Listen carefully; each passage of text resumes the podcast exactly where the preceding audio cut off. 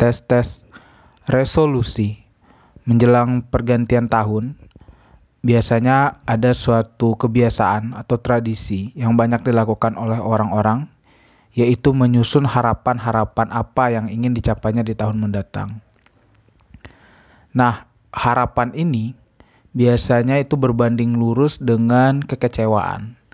Karena seperti dua sisi mata koin atau dua sisi koin, itu di mana ada harapan di situ ada kekecewaan. Nah, makanya agar tidak berujung pada kekecewaan, niatnya menyusun harapan di tahun ini tapi malah akhirnya berujung kepada kekecewaan karena kita tidak berhasil mencapainya, maka sebaiknya uh, dipikirkan kembali atau kita perlu berhati-hati dalam menyusun resolusi ini. Karena semakin besar uh, harapannya, biasanya akan semakin besar pula kekecewaan yang akan kita tanggung nantinya. Maka saya telah menyusun beberapa tips yang mungkin bisa teman-teman atau setidaknya saya sendiri uh, dalam menyusun daftar resolusi untuk tahun 2022. Sebenarnya intinya yaitu buatlah resolusi yang mudah-mudah saja sehingga kita tidak sulit untuk mewujudkannya. Nah, berikut ini ada beberapa tipsnya. Yang pertama, berharaplah pada hal yang telah pasti. Jadi jangan berharap kepada hal-hal yang uh, kemungkinan untuk terjadinya itu masih tipis, bahkan uh, almost impossible. Nah, seperti apa sih hal-hal yang pasti ini? Pertama, misalnya kalian berharap tahun depan itu dalam seminggu masih ada tujuh hari gitu, masih ada Senin, Selasa, Rabu, Kamis gitu.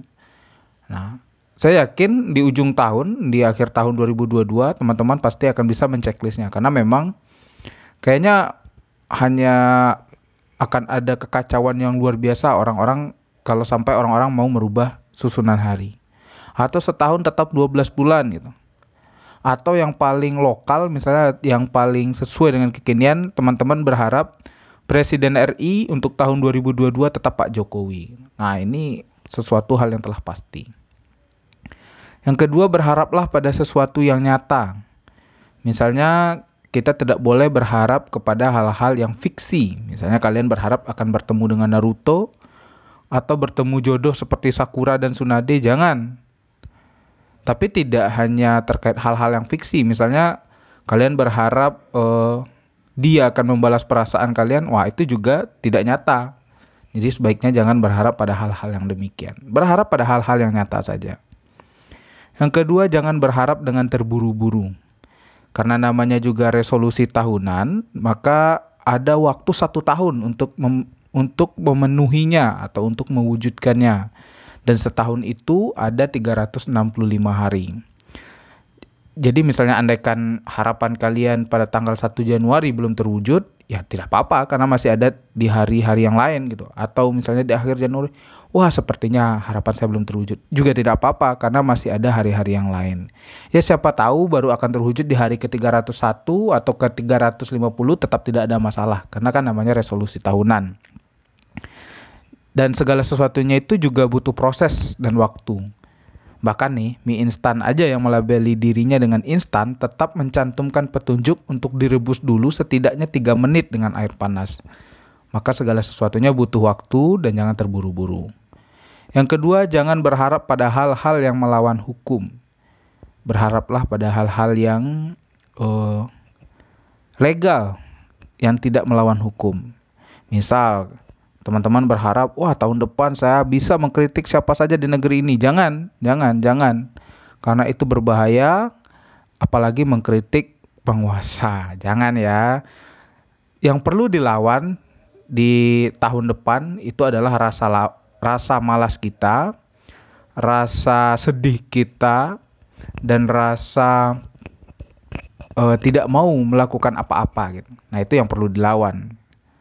Dan yang terakhir tips dari saya itu jangan menyerah. Sebenarnya ini bukan tips, ini juga bukan eh, cara-cara uh, menyusun harapan, tapi ini adalah cara-cara mempertahankan harapan tersebut atau ini adalah himbauan. Jadi apa pun harapan kalian jangan menyerah. Jika memang tidak terwujud di tahun depan juga tidak masalah. Siapa tahu bisa terwujud di tahun depannya lagi. Nah, kalau juga masih tidak terwujud juga tidak masalah Anggap saja itu suatu kemudahan bagi kita untuk tidak repot-repot memikirkan resolusi baru di tahun berikutnya. Karena yang tahun sebelumnya saja belum terwujud. Nah, jadi ya pakai resolusi yang sama saja. Mungkin sekian uh, KKAP uh, hari ini atau minggu ini. Mudah-mudahan uh, resolusi-resolusi yang kalian susun nantinya bisa terwujud. Ingat, jangan menyerah kata demasif.